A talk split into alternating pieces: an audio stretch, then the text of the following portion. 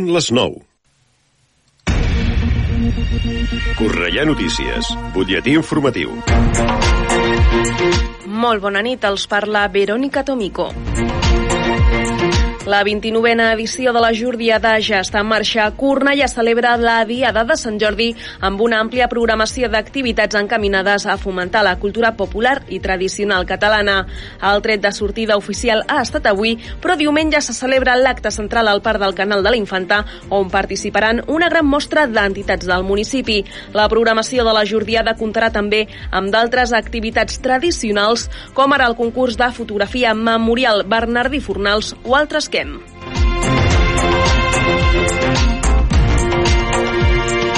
L'Auditori de Cornellà continua amb la seva programació de primavera. La instal·lació cornellanenca celebra la Diada de Sant Jordi amb un espectacle de música clàssica. Serà el mateix dissabte, 23 d'abril, amb l'actuació de l'Orquestra Simfònica de Sant Cugat. Les persones interessades en assistir al concert podran aprofitar-se d'un descompte del 25% en la compra anticipada a través del web auditoricornellà.com. L'endemà, el diumenge 24 d'abril, la companyia La Calòrica presenta l'obra de teatre Feísima enfermedad y muy triste muerte de la reina Isabel I. Serà a les 7 del vespre i la ciutadania podrà gaudir amb una nova versió de la que va ser 10 anys enrere la primera obra d'aquesta companyia. Els castellers de Cornellà celebren aquest dissabte la festa de l'Enxaneta. El dia 23 d'abril, la plaça Catalunya acollirà a partir de dos quarts d'onze del matí aquesta festa dedicada als més petits de Cornellà. Hi haurà manualitats, actuacions de la canalla circ, de tam Jobs i d'altres tallers per aprendre a fer castells. Fins aquí aquest butlletí informatiu. Poden seguir informats de l'actualitat de la nostra ciutat al Cornellà Notícies de la una del migdia, als butlletins horaris i a l'app i la web de Ràdio Cornellà. També trobaran les darreres actualitzacions i notícies al radiocornellà.cat i a les xarxes socials de la ràdio, Twitter, Facebook i Instagram. Ara el temps. Connectem amb l'Agència Estatal de Meteorologia. Bona nit. Demà divendres esperem a Catalunya una jornada amb lleugers canvis de les temperatures. Les mínimes baixaran lleugerament amb uns valors de 6 graus a Lleida, de 8 a Girona, de 10 a Tarragona i de 12 a Barcelona, mentre que les temperatures diurnes pujaran al Pirineu i a la meitat és i baixaran a la resta de Lleida, amb unes màximes de 23 graus a Girona i de 20 a Lleida, a Tarragona i a Barcelona. Per la resta esperem un inici de dia amb intervals de núvols alts al cel, mentre que Lleida i a Tarragona tendiran a quedar-se els nuvolats i s'esperen precipitacions durant la tarda, principalment al nord-oest de Lleida. A Barcelona i a Girona tendiran a quedar intervals nupolats i no es descarten precipitacions a la part més occidental al final del dia. La cota de neu estarà sobre uns 1.800 metres. Per últim, el vent serà fluix i de direcció variable al matí tendirà a quedar amb el pas del dia vent de la component sud i tindrem alguns intervals moderats. És una informació de l'Agència Estatal de Meteorologia. L'informació de Cornellà. Més a prop, impossible.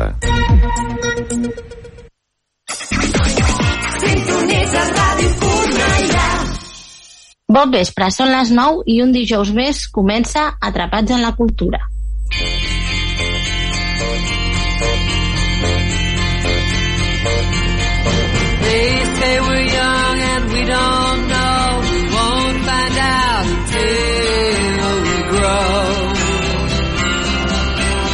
Per en Bill Murray, tots els dies era la mateixa cançoneta. Estava atrapat en el temps. Per nosaltres, tots els dies també són iguals. En Bill el salvava l'Andy McDowell. I a nosaltres, qui ens salvarà? La cultura, els llibres, el cinema, les sèries, l'art, l'oci, la gastronomia. Feu-nos cas i sentiu-vos atrapats amb la cultura. Amb la Cristina Guarro i el seu equip. Guess that's so we don't have a plot, but at least I'm sure of all the things we got. Babe,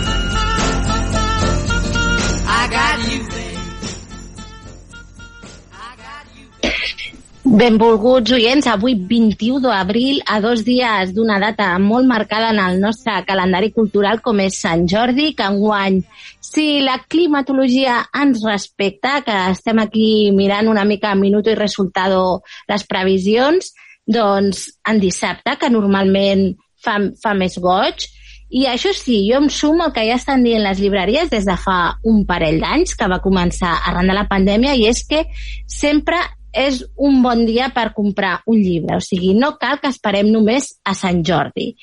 El programa d'avui, què farem? Doncs començarem fent una agenda cultural bastant extensa perquè, evidentment, doncs, el que és Sant Jordi eh, hi ha diverses coses relacionades i després doncs, hi ha l'agenda normal amb la qual cosa el que hem, hem pensat que millor eh, farem com subdividirem la secció. O sigui que, si us sembla, endavant sintonia i comencem a parlar-vos de les activitats relacionades amb el Sant Jordi.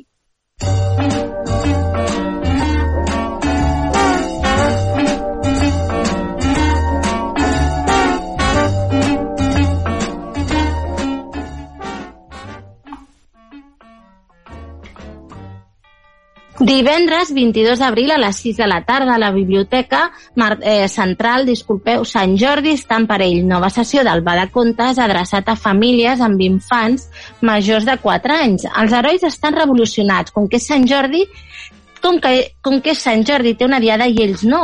No és prou important despertar una princesa, salvar una nena de les urpes d'un llop o rescatar les seves filles del ventre d'una bèstia? Si per tenir una diada cal matar un drac, ja cal que comenci a córrer. Una petita comèdia a partir de la llegenda de Sant Jordi amb les titelles de Glòria Rufat com a protagonistes. És una activitat gratuïta per la qual cal fer reserva.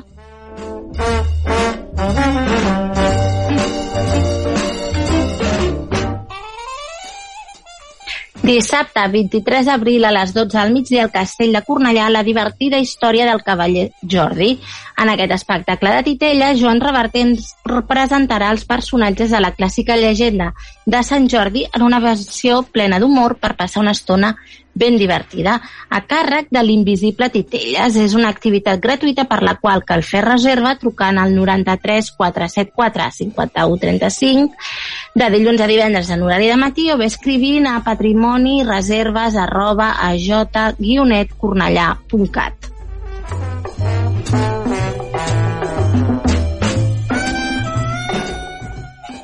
Dissabte 23 d'abril a les 8 de la tarda a l'Auditori de Cornellà Concert Sant Jordi 2022 amb l'Orquestra Simfònica Sant Cugat.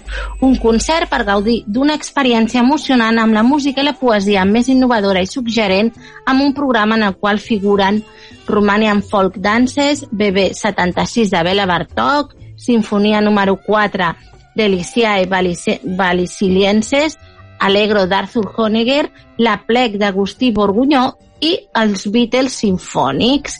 Música innovadora del segle XX. La música de Bartók i Honegger incorpora noves tècniques compositives com el dodecafonisme o la utilització conscient de la proporció àurea. Borgunyo integra el coneixement i les noves tendències en una música fresca i suggerent, mentre que la música dels Beatles representa un dels fenòmens sociològics sense precedents, la influència dels mitjans de comunicació i un èxit musical a nivell global amb unes audiències extraordinàries.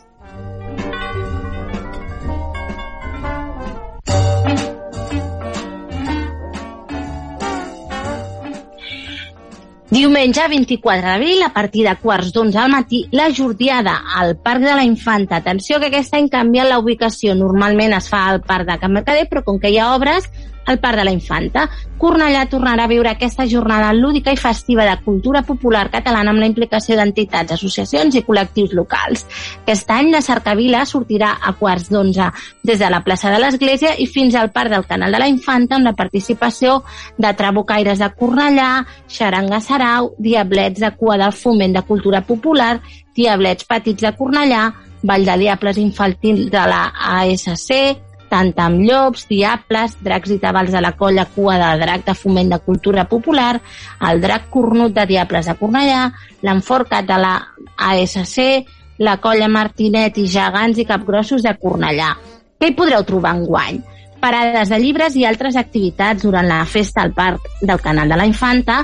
N'hi haurà parades com de llibres, de roses, així així com activitats i jocs per a tota la família, cultura tradicional, gegants, capgrossos, castellers, sardanes, corals, tabalers, mostra de puntes de coixí, parades d'artesania, entre d'altres. La llegenda de Sant Jordi al canal de la Infanta, la representació de la llegenda, comptarà amb la presència estel·lar d'un dels dracs de foment de cultura popular de Cornellà. És una activitat per a tota la família en dues sessions, a les 12 i a la 1 del migdia convivència i ganes de celebrar. La jordiada és sobretot participació i convivència, un dinar popular que s'organitza a les dues del migdia. Enllaça les activitats de matí amb les de tarda. La mongetada popular es, de, es farà amb la col·laboració de Cornellà Compra Casa, eh, cal una aportació pel, pel tiquet de 10 euros i es recomana comprar-ne eh, comprar-lo de manera anticipada. Estàs escoltant Atrapats amb la Cultura.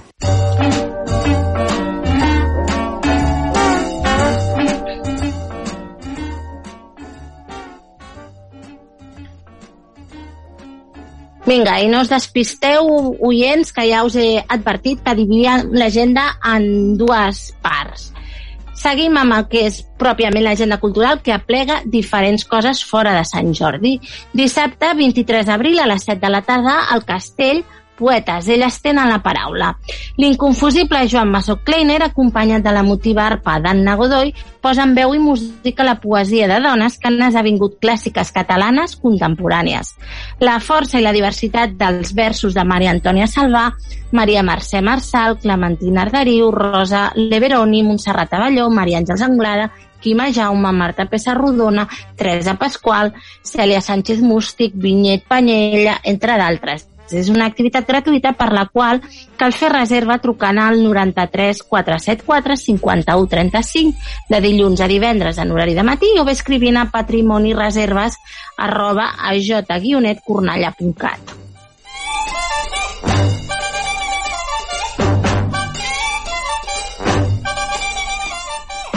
Dissabte 23 d'abril a quarts de vuit del vespre a l'Auditori de Sant Ildefons els concerts sonoritzat 08940 amb John Oyster i Laura West més les Westies a, acompanyades del DJ set Aubor.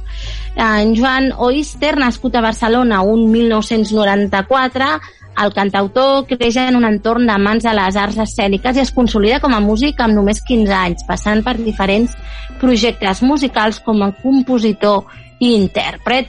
La Laura West, aka Wesky, Westy, és una cantant, compositora, ghostwriter i pianista nascuda a Girona. La Laura porta envoltada de la música des de que tenia 3 anys, quan va començar a tocar el piano i des d'aquell moment va continuar formant-se en harmonia i llenguatge musical, producció musical, mescla i mastering i enregistrament de vocals. A part, també ha participat en campanyes de publicitat de marques com Cacharel i marques nacionals com Painful Studios, Janira Gaia, entre d'altres.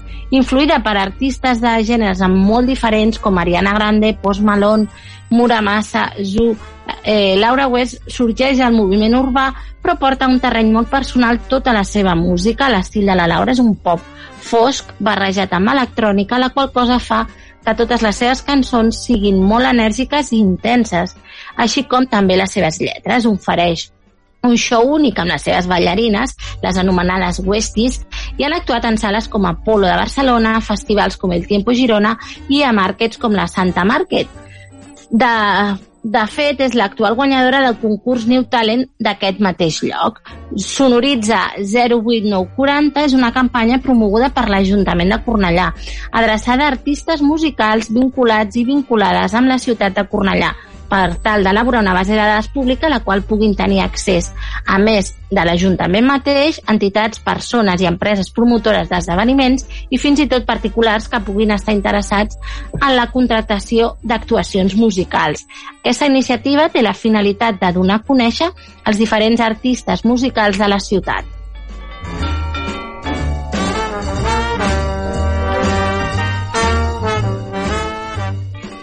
Diumenge 24 d'abril a les 7 de la tarda a la sala Ramon Romagosa a Birnam. A Birnam, un actor de certa edat, és el camerino preparant-se per representar el paper del rei Duncan a Macbeth, quan li comencen a aparèixer dubtes, preguntes sobre el valor de la paraula i la naturalesa del llenguatge, sobre el teatre i la seva funció, sobre el seu moment com a actor i el seu passat, sobre la bellesa. Li venen els seus fantasmes, dubta de tot i el seu món entra en crisi. Amb aquestes disquisicions va establint un soliloqui teixit amb cites, referències i comentaris a Shakespeare i a les seves obres, així com alguns dels dramaturgs i escriptors que s'estima, com Beckett, Sarah Kane, Borchet, Tarkovsky... Aquestes reflexions fan que es replantegi la conveniència de sortir o no a escena mentre s'acosta l'hora i la veu del regidor com un cronos implacable va anunciant l'arribada del moment de prendre una decisió, sortir o no sortir. Birnam és una coproducció de la Perla 29 a partir d'una idea original de l'actor Lluís Soler, que és qui interpreta aquest monòleg.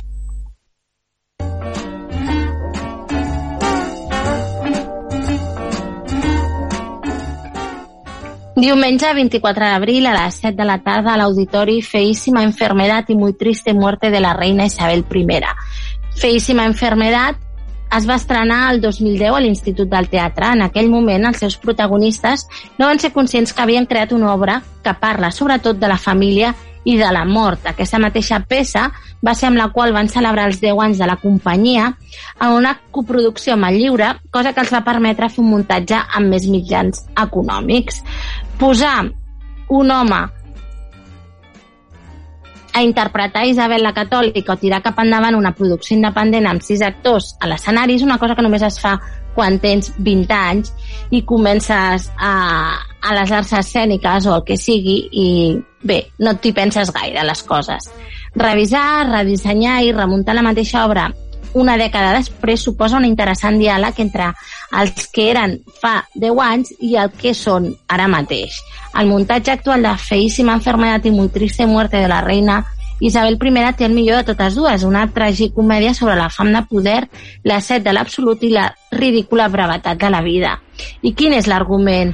Doncs la reina Isabel I, greument malalta, viu els seus últims dies sense saber qui la succeirà al tron al tron, perdó, i doni continuïtat al seu gran projecte. Molts dels seus fills han mort i algunes de les seves filles pateixen el tracte injuriós dels seus marits. Resta com a opció al cap de la princesa Joana, que ha passat a la història amb l'epítet de la boja. Recordem els membres de la Calòrica, aquesta fantàstica companyia que ja s'han convertit en, un de, en uns innovadors i amb molta molta, molta representacions i una narrativitat que els, els és molt característica, doncs recordem els membres. El dramaturg Joan Llago, el director Israel Solà i, i el director escènic, i els intèrprets Xavi Francesc, Aitor Galisteo Rocher, Esther López, Marc Rius i Júlia Trullol, els quals s'han sumat per aquesta representació d'aquest diumenge 24 al Pep Ambrós i la Carla Rovira Pitarc.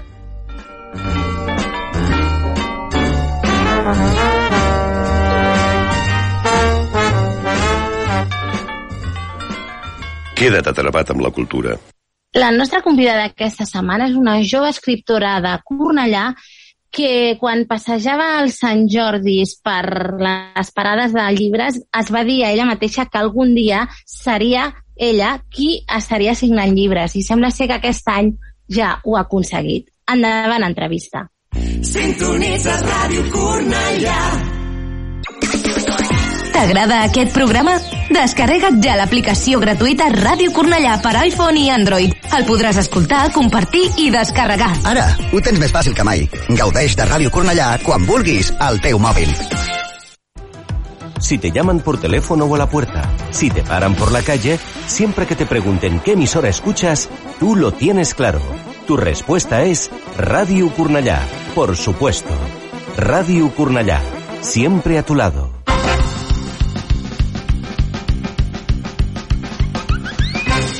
De més enllà, viatgeu amb nosaltres cap a un món de músiques. Connecta't amb De Més Enllà cada diumenge de 5 a 7 de la tarda a Ràdio Cornellà, amb Jordi Garcia.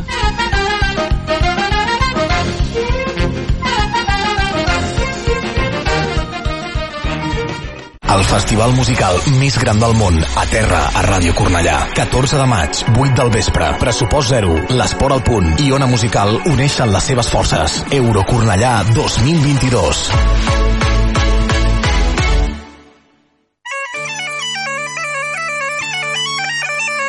Escoita sempre en Galicia. Todos los sábados, de 6 a 8, dos serán. Tots els dissabtes de 6 a 8 de la tarda, escolta Sempre en Galícia. Informacións, novidades, música galega, entrevistas, colaboracións, participacións dos ointes, premios e moitas cousas máis. Con Armando Fernández, Laura Santos, Marc Ford e Xulio Couchil.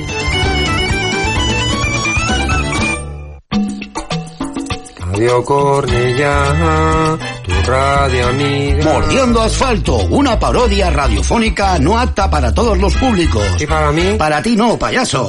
Tots els dimarts a partir de les 11 de la nit a Ràdio Cornellà. Mordiendo asfalto, tu programa de radio para ayudar a las personas que lo necesitan.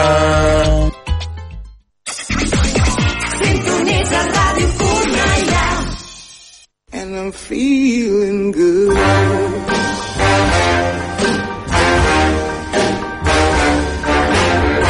L'entrevista. You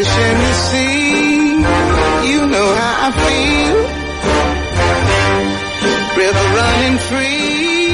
You know how I feel. I avui ens acompanya a l'espai de l'entrevista una jove escriptora de Cornellà, Lina Gómez. Bona nit, Lina.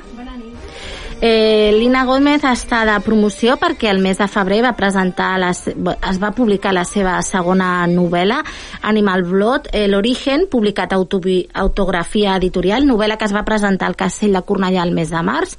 Nosaltres en, el mes passat doncs, no vam ser-hi a temps per preparar res i vam dir ens esperem a Sant Jordi que és aquesta setmana. Bona nit Nina, de nou.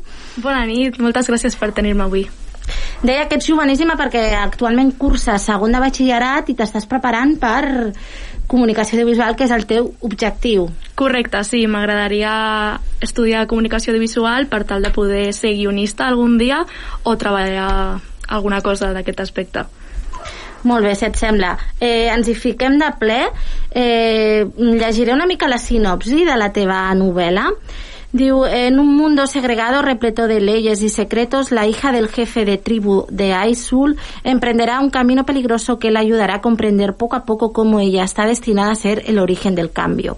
Desde la nieve, la joven deberá desafiar sus miedos y ser cautelosa para proteger a los suyos mientras intentará afrontar el don que le ha sido concedido y sobrepasar todos los obstáculos que el destino le tiene preparados. Pero, ¿cómo proteger un mundo que no merece ser salvado?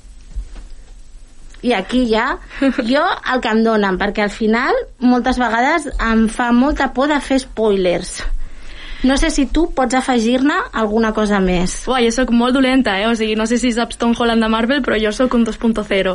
Uh, no, a veure, jo mm, el que m'agrada recordar no, d'aquesta novel·la és, um, és una novel·la distòpica i és fantasia, és un món totalment nou que jo m'he imaginat, però sí que és veritat que té una crítica al darrere que el lector pot, um, pot se- trobar una semblança no? amb el món real i això és el que vull una mica que, que, que es quedi el lector.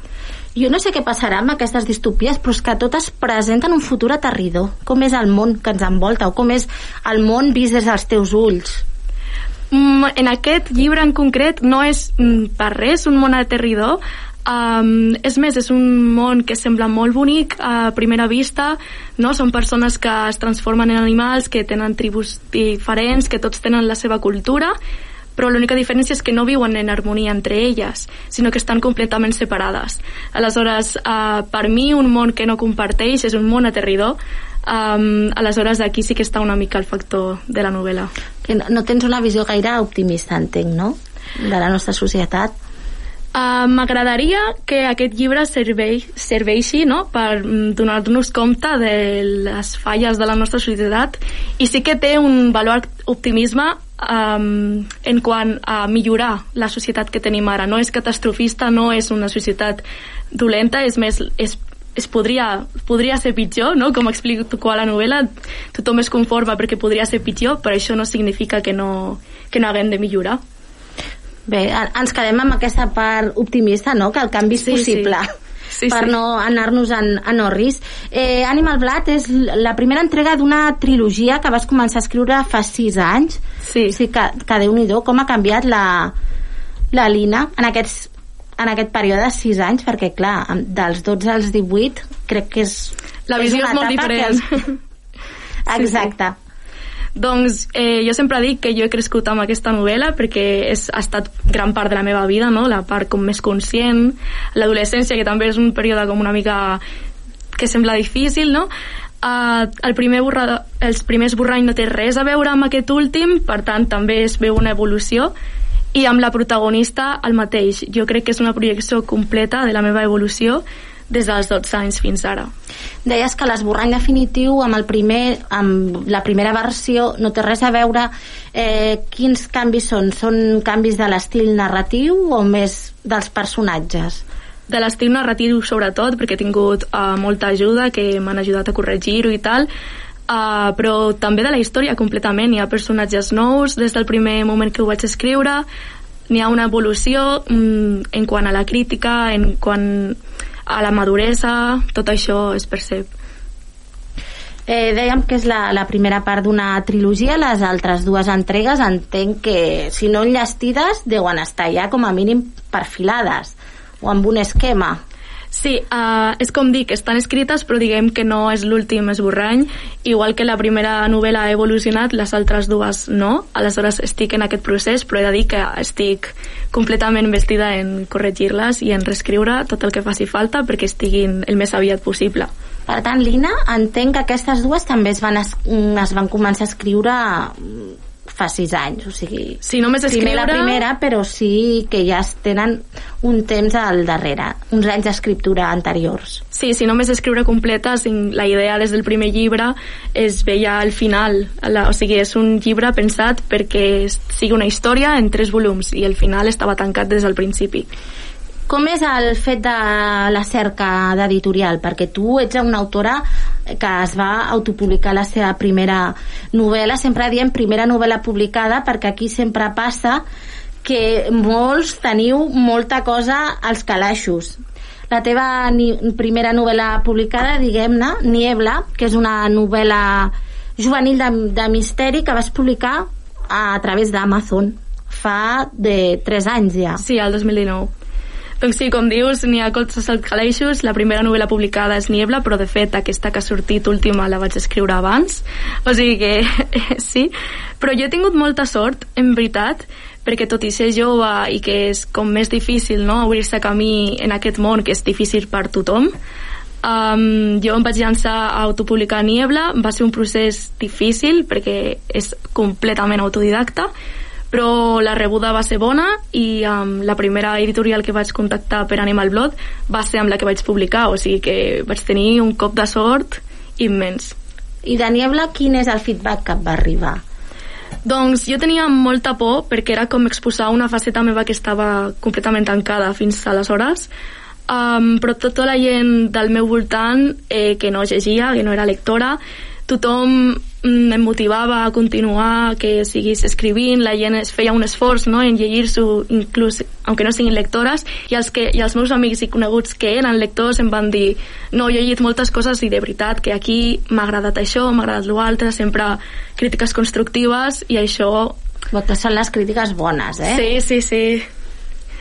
I això doncs, em, va, em va fer seguir endavant i dir no, això no m'ho puc quedar per mi, he de treure les coses del calaix i seguir endavant. I auto...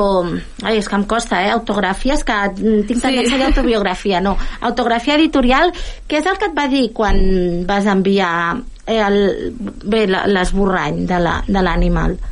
Doncs va ser molt curiós perquè jo vaig contactar amb ells, els vaig conèixer per casualitat, um, per uns coneguts, no? Vaig contactar amb ells, ens vaig passar um, uns primers capítols i em van dir, doncs envia'ns rest, la resta que tinguis escrit, el manuscrit complet.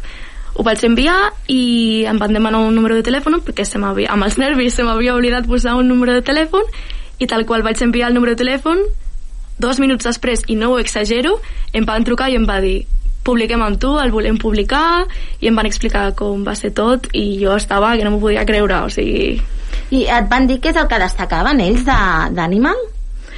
Jo me'n recordo que els hi vaig dir "Mm, els queden una mica de correccions i tal i em van dir, més correccions? Però si això està perfecte, què, què més has de corregir? Aleshores em vaig quedar una mica sorpresa dir no ha de, és perfecte ja, no he de donar-li més voltes i és això, que és una història original, una mica nostàlgica, perquè aquest eh, gènere de distopia està una, està una mica perdut ara mateix, no és com fantasia pura, i jo crec que això cridarà l'atenció. Però, i pel que explica, sembla una mica oníric, no? Aquesta trilogia, com a mínim la primera part. Bueno, és un món, com dic, nou, però que d'alguna manera està inspirada en, en altres històries, aleshores per això dic lo de la nostàlgia, i no és per res una utopia, sinó... És el que dic, és fantasia, però no és tot màgia, ni unicorns, ni dragons, ni això, res d'això. Eh, parlem una mica d'etiquetes. Ets molt jove. Eh, no et fa una mica de por que se't consideri una autora per públic juvenil? Sí, la veritat és que Niebla um, sí que em va em va una mica encaixonar això perquè jo volia que fos com una història més de era com, ho faig de misteri, poso una mica de romans perquè sigui juvenil, què és el que faig? No, no acabava de trobar la, el necessari, no? I al final vaig dir, escric, escriu el que vols i després ja posaràs etiquetes o faràs el que vulguis i no m'agrada enca encaixar-me en un sol aspecte. Niebla no té res a veure amb Animal Blood i probablement Animal Blood no tingui res a veure amb les altres novel·les que escrigui. Aleshores, um, m'agradaria no, experimentar totes les facetes que tinc i que no se'm posés una etiqueta de juvenil només perquè sóc jove, sinó que ho pogués llegir qualsevol que li agradés la sinopsis. T'han arribat impressions ja d'Animal Blood? Sí. Què t'han dit? Doncs de moment, de moment um, estan desitjant que arribi el segon.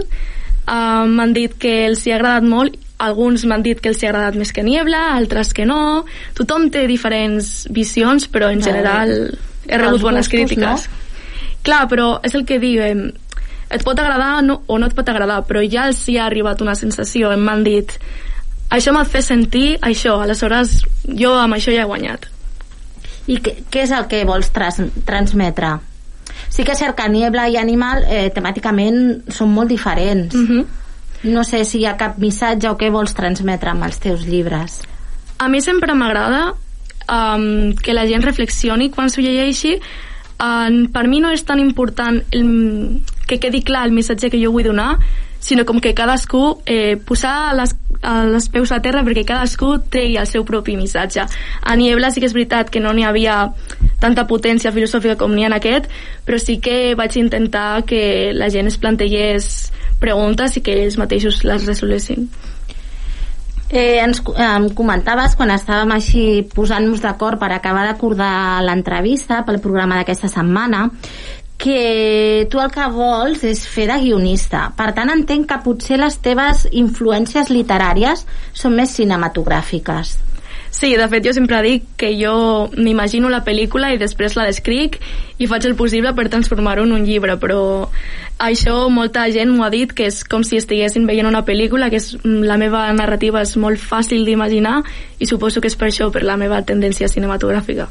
Sí, entenc que és molt descriptiva, aleshores. Sí, sí, sí, sí no només... Um, no m'agrada tampoc descriure molt els paisatges o les habitacions, sempre em sembla molt avorrit, sincerament, però sí que m'agrada um, descriure els gestos dels personatges, com que si estan tenint una conversa m'agrada que el lector sembli que està tenint la conversa amb ells perquè s'està imaginant tots els gestos de tothom i és com immers...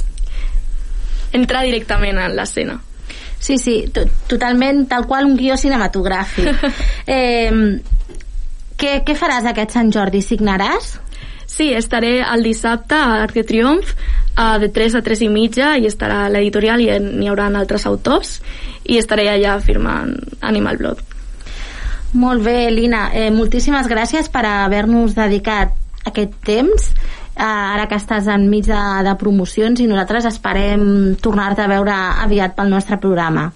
Moltes gràcies per donar-me aquesta oportunitat i ens veiem aviat, suposo. Fins aviat. Estàs escoltant Atrapats amb la Cultura.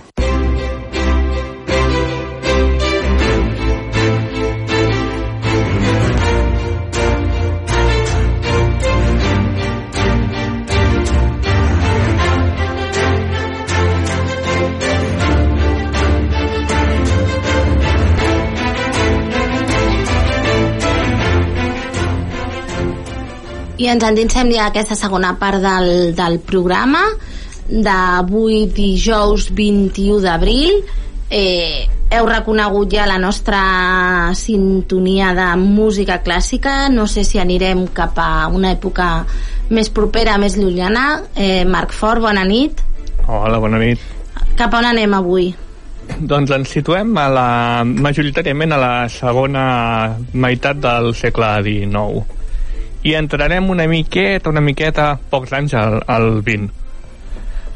I, Mm, ens, en. I si normalment estàvem pel centre d'Europa, sud, ara ens anirem bastant cap al nord i no a les Illes Britàniques, sinó a la península escandinava, concretament a ai, a Nova York, anava a dir jo. Ostres, tu A Noruega, Noruega, Noruega, Nova York, eh, està... a veure, queden al nord però Sí, no, home, Noruega, Noruega queda una mica més al nord que, que, no, que Nova York, però bueno. sí És el primer dia després de vacances. Eh, perdonat, perdonat, tots tenim lapsus doncs bé, eh, es tracta del compositor noruec Edvard Grieg, eh, que va néixer a Noruega, concretament a la ciutat de Bergen, el 15 de juny de 1843. Eh, els seus orígens familiars són per això escocesos, ja que el seu besavi va emigrar després de la batalla de Culloden a l'any 1746. La batalla aquesta, si, per, qui, per si, qui no ho sàpiga, és una batalla que va enfrontar, enfrontar els jacobites que defensaven la, eren partidaris de la casa Stuart amb el príncep a, contra la casa de Hanover i va suposar el, que el Hanover guanyés definitivament i, a, i els Stuart van passar a, a no van ser desaparèixer, no?, de la, sí, del, de del la mapa, monarquia. Sí. Doncs després d'aquesta batalla, el, el besavi de Grieg va emigrar i després de, molt, de passar per diversos llocs va acabar a, sent comerciant a Bergen el 1770 uns 70 anys abans de néixer el Grieg. La seva mare, la d'Edward Grieg, a Jesin, era professora de piano, cosa que va fer que hi hagués un ambient molt musical a, a la cas- casa seva. L'estiu de 1858, amb uns 15 anys, a Grieg va conèixer el llegendari violinista noruec Ole Bull, que era el cunyat de, de la seva mare. Ell, al descobrir el talent del noi, de, del noi de 15 anys, els va, va convèncer els seus pares perquè l'enviessin al conservatori de Leip- Leipzig a, a estudiar, a perfeccionar la seva tècnica i sí, i va ingressar aquell mateix any i va destacar especialment en el piano la primavera de 1860 va contraure una greu malaltia pulmonar i bueno i. I un, any després va iniciar el seu debut com a concertista a, a Suècia a Karlshamn algo així què més? Més tard, el 1862, va finalitzar els seus estudis al conservatori aconseguint molt bons resultats en gairebé tot. Se li va ennuegar una mica, no sé si es diria així, a la signatura d'orga. Diguéssim que no estava per orgues, aquell, aquell xiste. Uh, què més? Se- Seguim. El 1862 va fer un concert a Bergen, a la seva ciutat, interpretant obres molt tècniques, com per exemple la sonata patètica de Beethoven. Un any més tard va marxar cap a Copenhagen, on hi va estar-s'hi tres anys. Allà va conèixer a diversos compositors com el danès Niels Gade o el compositor noruec Nikard Nordag els noms ja, si algú sap noruec i mos, ens ho sap dir com es pronuncia millor que ens enviï un El telèfon de l'Udits, no? O... sí, jo faig el que bonament puc amb els idiomes No pateixis, no pateixis. bé, el, el noruec aquest, el senyor Nordag és, per curiositat, l'autor de l'himne noruec qui vulgui buscar-lo Sí que és un contacte important, no? Sí, sí, sí. Ah, I amb aquest va establir una gran amistat, tot i que s'ha de dir que aquesta amistat no va durar gaire, perquè Nordak va morir poc després. I, uh, bueno, mira si era gran la- l'amistat que el mateix grec va compondre una marxa fúnebre pel, per ell. O sigui, el- havien creat un bon, un bon vincle. Uh, un, uns anys més tard, el mil, de 1880 a 1882, va ser director musical de l'Orquestra Filarmònica de Bergen. Amb un compositor també que va coincidir molt i que el va ajudar va ser Franz Liszt i va coincidir a Copenhagen i en una de les ocasions, concretament a la segona, li va mostrar els primers esbossos del seu concert per piano. S'ha de dir que Liszt es va, el va valorar molt fa- favorablement, la qual cosa, que Liszt et valori molt favorablement un concert de piano, vol dir que està que té categoria. Sí. Uh, I això, com dèiem, Liszt va ser un suport molt important per Grieg durant tota la seva vida. Tan important va ser que va escriure una, una carta d'encomanació als directors noruecs, fet que li va permetre obtenir alguna, algunes beques d'estudis i això.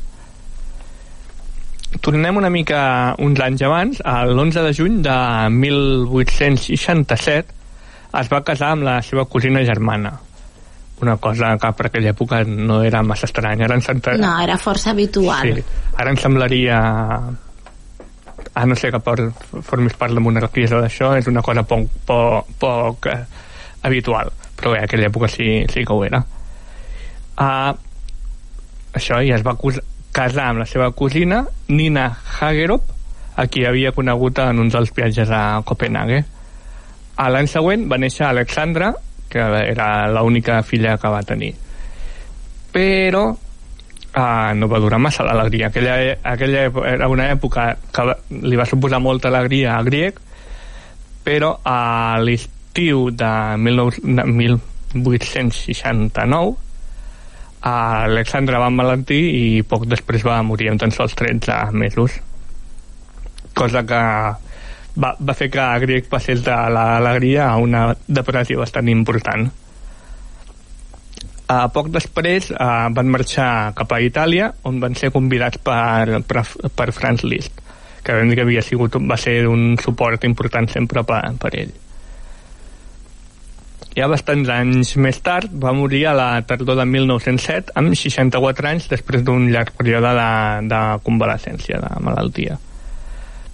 El seu funeral va aplegar milers de persones pels, per la seva ciutat natal a Bergen, a Noruega i les seves cendres estan juntament amb les de la seva dona a una tomba a la, munta a la tomba d'una muntanya que hi ha a prop de, de la seva casa a Trollhaugen más o menos, por ahí Molt bé.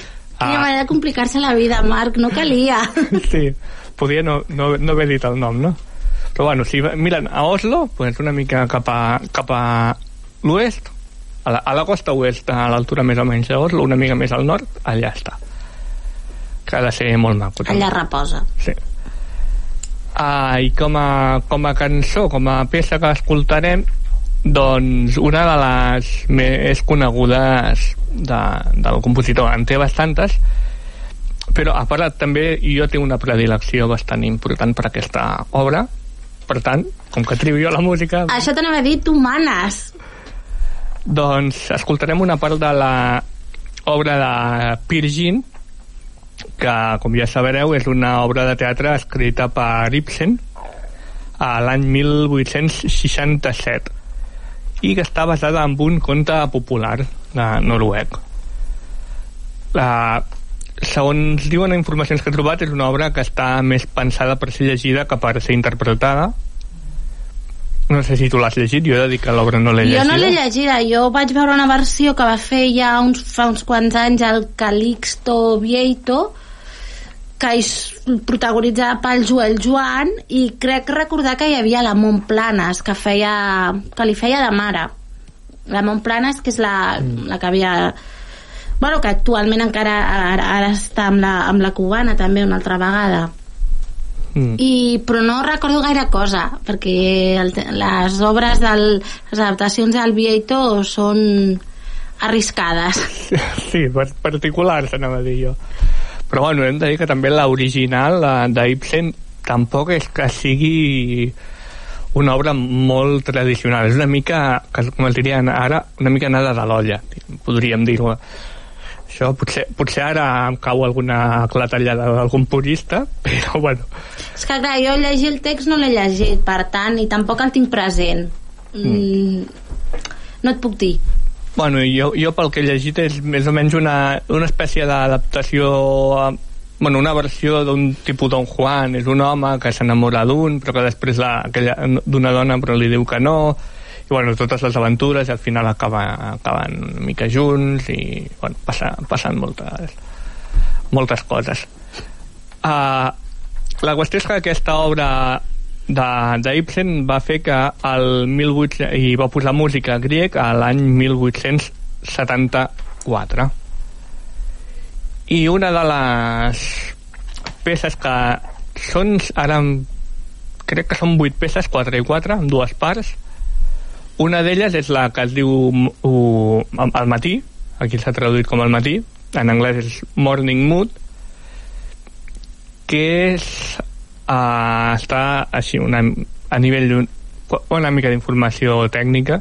Està escrita en, en mi major i utilitza una escala pentatònica amb alternatives entre, entre, amb alternances entre flauta i oboe la curiositat d'aquesta d'aquesta peça és que el clímax o el punt fort de la, de la cançó està molt al principi. Normalment a les Que peces curiós, no? sí, a les peces vas, vas cre creixent a poc a poc d'això però aquesta és una que el, des, ja de seguida es, es nota la part, la part potent i és una, un, és una peça que des- descriu una, una sortida de sol i bueno Uh, bueno, què més? Pues, jo diria que ja, ja està. La, també els, si la gent vol escoltar-la, fàcilment buscant a, a YouTube, bueno, a, a part de la que posarem ara, perquè és una peça, la suite dura, em sembla que són 40 minuts en total, uh, doncs a YouTube està fàcilment uh, es pot trobar fàcilment. Recorda'm el nom, Sweet uh, Pil, bueno, la suite Pilgin a Morning Mood, al matí. Traduïda aquí en, en català com al matí. I bé, pues, si et sembla tot seguit doncs, passem a escoltar-la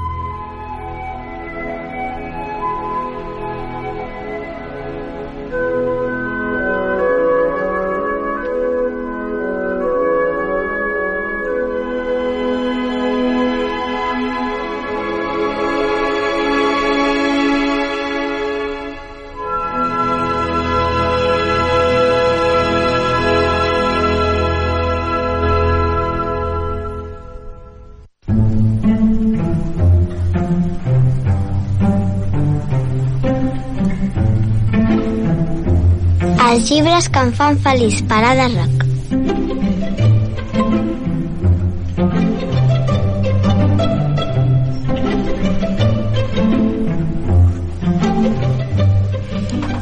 Molt bona nit, ben tornada, Ada. Sí, bona nit. Què tal? Bé. Sí? Què ens portes avui? Pipi en els mars del sur. Que és d'una autora nòrdica, de la, en concret de la sueca Astrid Lindgren, i que edita Coquinos. Sí. Recomanat per a nens i nenes a partir de 8 anys d'edat. Té 221 pàgines. I quins són els personatges de d'aquest Pipi als mars del sud? Pues els personatges són Pipi pa calces largues, An Anika, Tommy, Pequeño Tío, Sir Nilsson, Senyor Nilsson, Jim, Pirata i Buck, Pirata. I d'aquests dos, qui, el, qui, el pequeño tío, que és el, el cavall o el mico? Eh, el cavall. I el senyor Nilsson és el mico, no? Sí. Ai, que jo ara no recordava. Jo això no ho he llegit, però he vist la sèrie, que no sé si tu també l'has vist. Sí, és molt Hi ha divertida. dibuixos animats. Ah, sí? Hi ha animació? Em sembla que sí. Ja ho controlarem. On passa la història? On has de... Eh, la història passa a la illa de Correcorredut. És una Uh, illa... Quin nom més complicat! és una illa i hi ha molt... que hi ha moltes amics de Pipi i molts tes- tresors. I què, què ens explica la història o què passa durant aquesta Pues narració? durant la història passa que Pipi és una noia molt llesta, generosa, divertida, independent i imaginativa. A, a més a més, és la nena més forta del món. En, aqu en aquest llibre decideix ella amb els seus amics anar de viatge a la illa de Correcorredut a visitar uns amics. En aquella illa hi ha, molt, hi ha moltes perles, però pels seus habitants no tenen cap valor al cap dels diners. Es troben amb dos pirates, en Jim i en Book, que faran tot el possible per aconseguir moltes perles, però no ho tindran tan fàcil. I el desenllaç... U us emociona, és molt divertit. Bé, i també hi ha una mica d'emoció, no? Sí. I què, la, com, com el puntues aquest? Del 10. Eh, o sigui que això és que és molt, molt, molt, no? Sí. A tope. I aquest, aquest llibre, què, et recorda cap animal? El mico i el cavall. Bé, crec que no cal que diem per què, no? Pel sí. pequeño tío senyor Nilsson? Sí. I quin color t'ha suggerit el llibre? Taronja, perquè el seu cabell és taronja. Home, clar, és que la, les trenes de la Pipi és que és allò és una cosa, no?, que jo crec que penses penses en el personatge i només veus taronja per tot arreu. Sí. I la textura, què, què? Desigual, perquè sempre la Pipi va despentinada. Ah. I què més? Què t'ha fet sentir el llibre? Que sóc molt divertida. Per acabar us desitjo molta sort i que gaudiu molt el conte. Feliç lectura.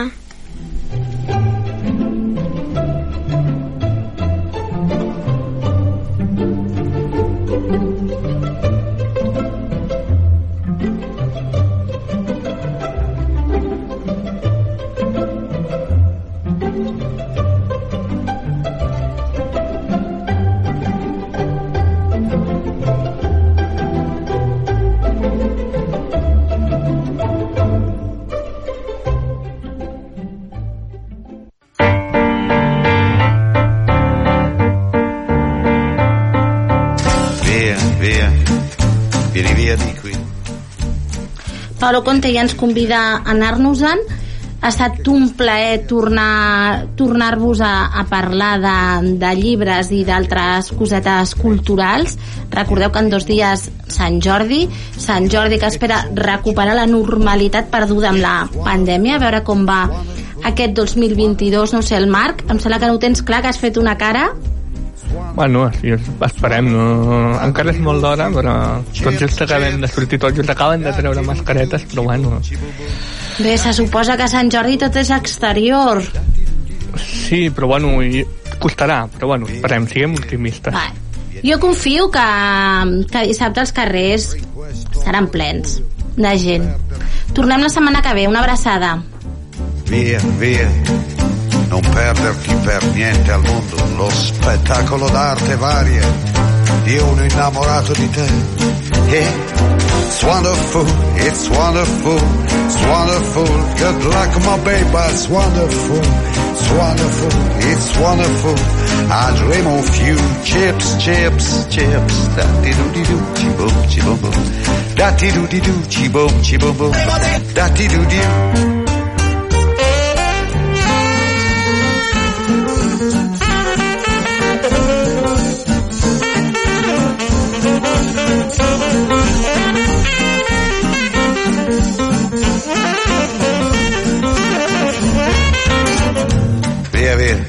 vieni via con me. Entra in questo amore buio, pieno di uomini. Via, via, entra e fatti un bagno caldo. C'è un accappatoio azzurro, fuori piove un mondo freddo. It's wonderful, it's wonderful, it's wonderful. Good luck, my baby, it's wonderful. It's wonderful, it's wonderful. I dream of you, chips, chips. Da ti do di do, chi boom, chi boom boom. Da ti do di do, chi boom, chi boom boom. Da ti do di La millor varietat musical. Manuel Carrasco.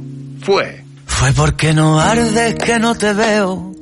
Fue montar el drama al tinte del pelo. Fue que no me sale y tú no te atreves. Fue el final de mierda de aquella serie. Fue la gata cómplice en el tejado.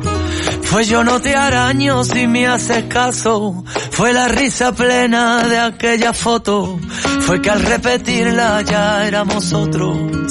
Y fue lo que te debo y lo que me debes. Y fue combate nulo en cuatro paredes. Fue sentirme solo estando contigo. Fueron los disparos sin un motivo. Fue la herida abierta sin un consuelo. Fue ya no me mates con un te quiero. Fue ya no te importo lo suficiente. Fue me estoy muriendo a mí quien me entiende. Fue el silencio a gritos del dormitorio. Fue la vida idílica de los otros. Fue el número puesto en aquel bolsillo. Fue el principio el juego de aquellos niños. Fue la risa tonta de los amantes. Ojalá pudiera.